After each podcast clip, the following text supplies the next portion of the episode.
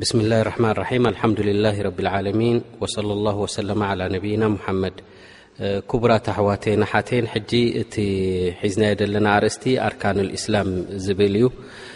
ክንትንትኖን ክንገልፆን ዝፅናሕና ድማ ሸሃደቱ ኣላ ኢላ ኢላ ላ ሙሓመድ ረሱሉላ ዝብል ገሊፅና ከምኡ ውን ኢቃሙ ሰላት እታ ሰላት ከመይ ዓይነት ኣገባብ ጌርና ክንሰግዳ ከም ዘለና ቅድሚ ብሰላት ምእታውናን ኣብ ውሽጢ ሰላት ዝፍፀም ኣገባብን ገሊፅና ብድሕሪኡ ሳልሳይ ካብቲ ኣዕኑድ ወይ ድማ መኣዝን ናይ እስልምና እንታይ እዩ እተ ተባሂሉ ሶም እዩ ወይ ድማ ስያም ማለት እዩ ጾም ካብተን ቀንዲ ማእዝናት ናይ እስልምና እዩ ጾም ከ እንታይ ማለት እዩ እተ ተባሂሉ ወህወ ልእምሳክ ብንየት ልዕባዳ ዓን ልሙፈጢራት ካብ ዘፍጥር ነገር ካብቲ ክልኩል ዝኾነ ነገር ኣላ ስብሓን ወተዓላ ዝኸልከሎ ካብኡ ምቁጣብ ንኣላ ስብሓን ወተዓላ ትእዛዝ ኢልካ ትእዛዝ ናይ ረቢ ንኸክብር ኢልካ ኣብተን ተወሲነን ዘለዋ እታ ወርሒ ናይ ሮሞዳን ኣብኡ ካብቲ ዝብላዕን ድስተን ኣቋሪፅካ ምን ጥሉዕ ኣልፈጅር ኢላ ቁሩብ ኣሸምስ ፀሓይ ካብ ትበረቕ ጀሚርካ ቅድሚ ምብራቓ ጀሚርካ ፀሓይ ክሳብ ፀሓይ ትዓርብ ኣብዚ ግዜ እዚ ካብ ዝብላዕን ዝስተን ከምኡ ሙፍጢራት ናይ ስያም ዝኾነ ወይ ሙፍሲዳት ናይ ስያም ዝኾነ ተቆጢብካ ምውዓል እዚ ጾም ይበሃል ጠብዓ ሶሙ ሻህር ሮመዳን ሓደ ካብቲ ማእዝናት ናይ እስልምና ምዃኑ ፍሉጥ እዩ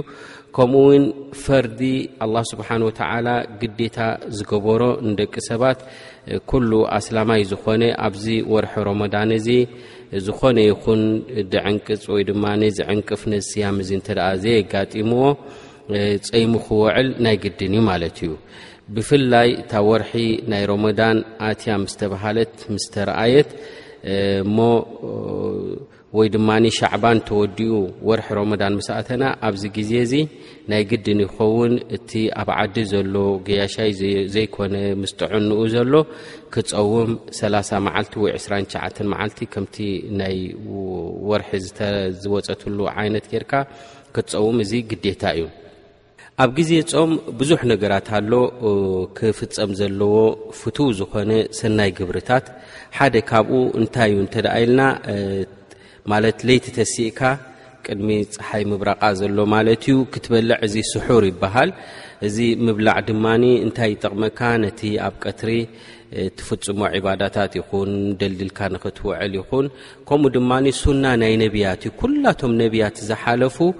ሓደ ካብቲ ዝትግብርዎ ዝነበሩ እንታይ ነይሩ እንተ ኢልካ ስሑር እዩ ኣብ ለይቲ ምብላዕ ማለት እዩ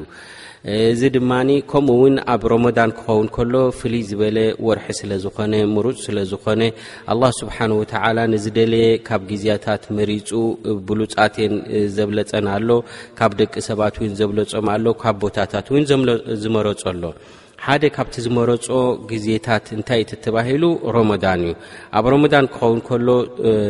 ፍሉይ ዕባዳ ክትገብር ቁርን ክትቀርእ ሰደቃ ከተብዝሕ እዚ ፍቱ ዝኾነ ሰናይ ግብሪ እዩ ማለት እዩ ንጾም ዘበላሽዎ እንታይ እዩ እንተ ኢልካ ጸምካ ከለኻ ኣብ ውሽጢ ጾም እንከለኻ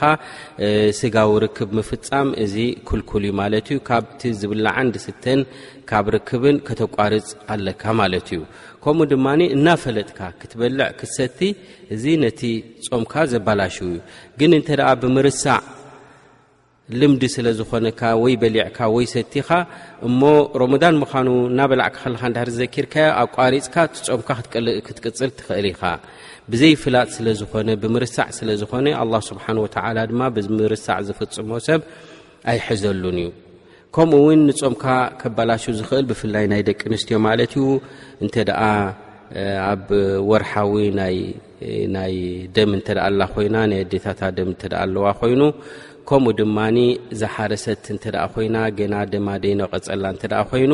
ንክትጸውም ሓራም እዩ ክትጸውም የብላን ማለት እዩ እተን ኣፍጢራተን ዘላ መዓልቲ እተንደይጸመተን መዓልቲ ድማ ሮመዳን ምስ ሓለፈ ድሕር ሮመዳን ትትክኦ ማለት እዩ ሮሞዳን እንተ ዘይክእል እንተ ኮይኑ ሓደ ሰብ ክፀውም ብዕብየት ድዩ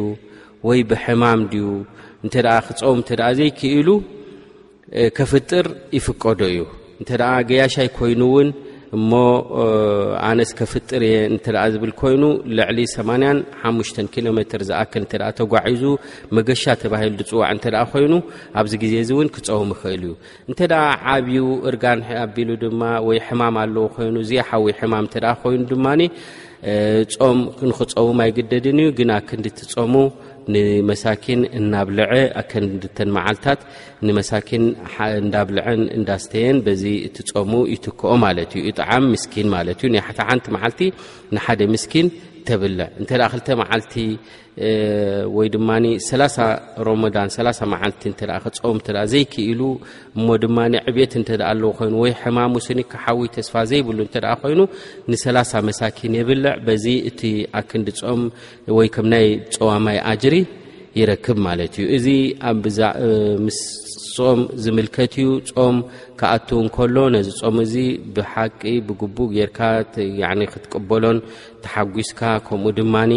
ኣብኡ ኣብ ካልእ ግዜ ዘይትፍጽሞ ዝነበርካ ውን ብዝያዳ እውን ዕባዳ ኣብኡ ክትገብር ዝተፈትዎ ዩ ማለት እዩ ብፍላይ ድማ ተን ዓሰርተ መዓልታት ናይ መጨረሻ ናይ ሮመዳን ዘለዋ ብሉፃት ምሩፃት ዝኾና ግዜያት ስለ ዝኾና ኣብኡ እውን ፍልይቲ ለይቲ ስለ ዘላ ነታ ለይቲ እቲ ኣነ ክትረክብ ኢልካ ዝያዳ ዕባዳ ምግባር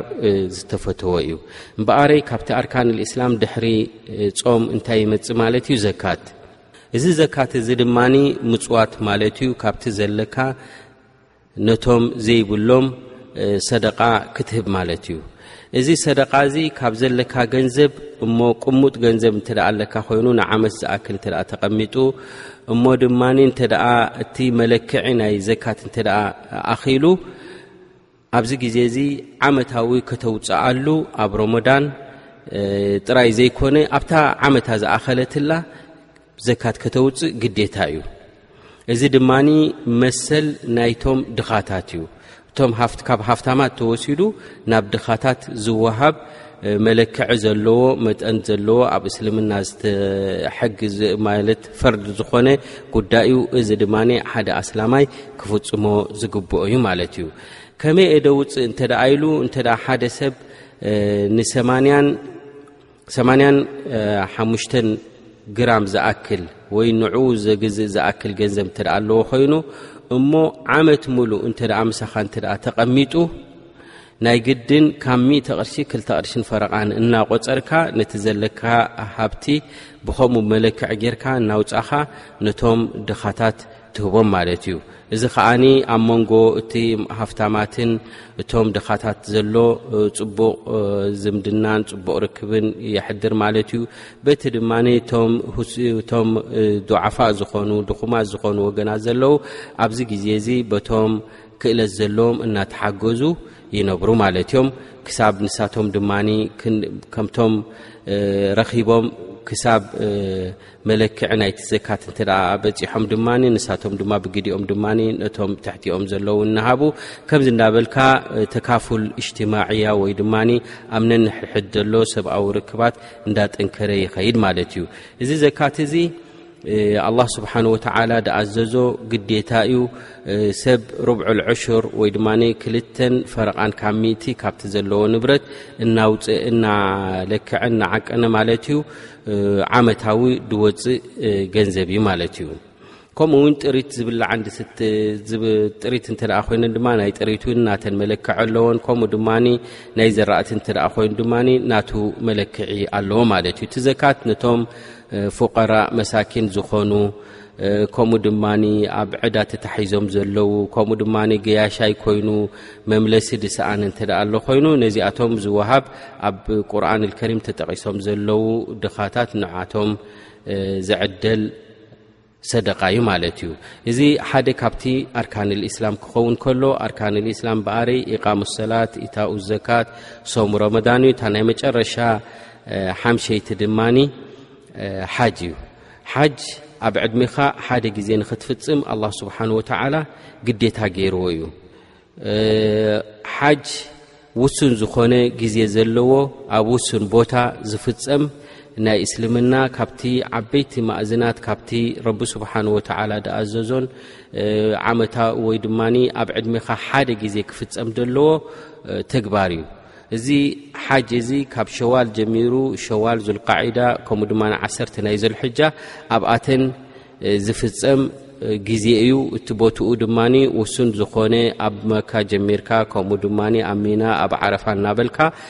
ኣላ ስብሓን ወተላ ነብና ሙሓመድ ለ ሰላት ወሰላም ዝሸርዕዎ ፍቱ ዝኾነ ከምኡ ድማ ግዴታ ኣብ ዕድሜካ ሓደ ግዜ ዝፍጸም ናይ ሓጅ እዩ ማለት እዩ እምበኣር ክቡራት ኣሕዋት ብዛዕባ እዚ ኣርካን ልእስላም ዝብል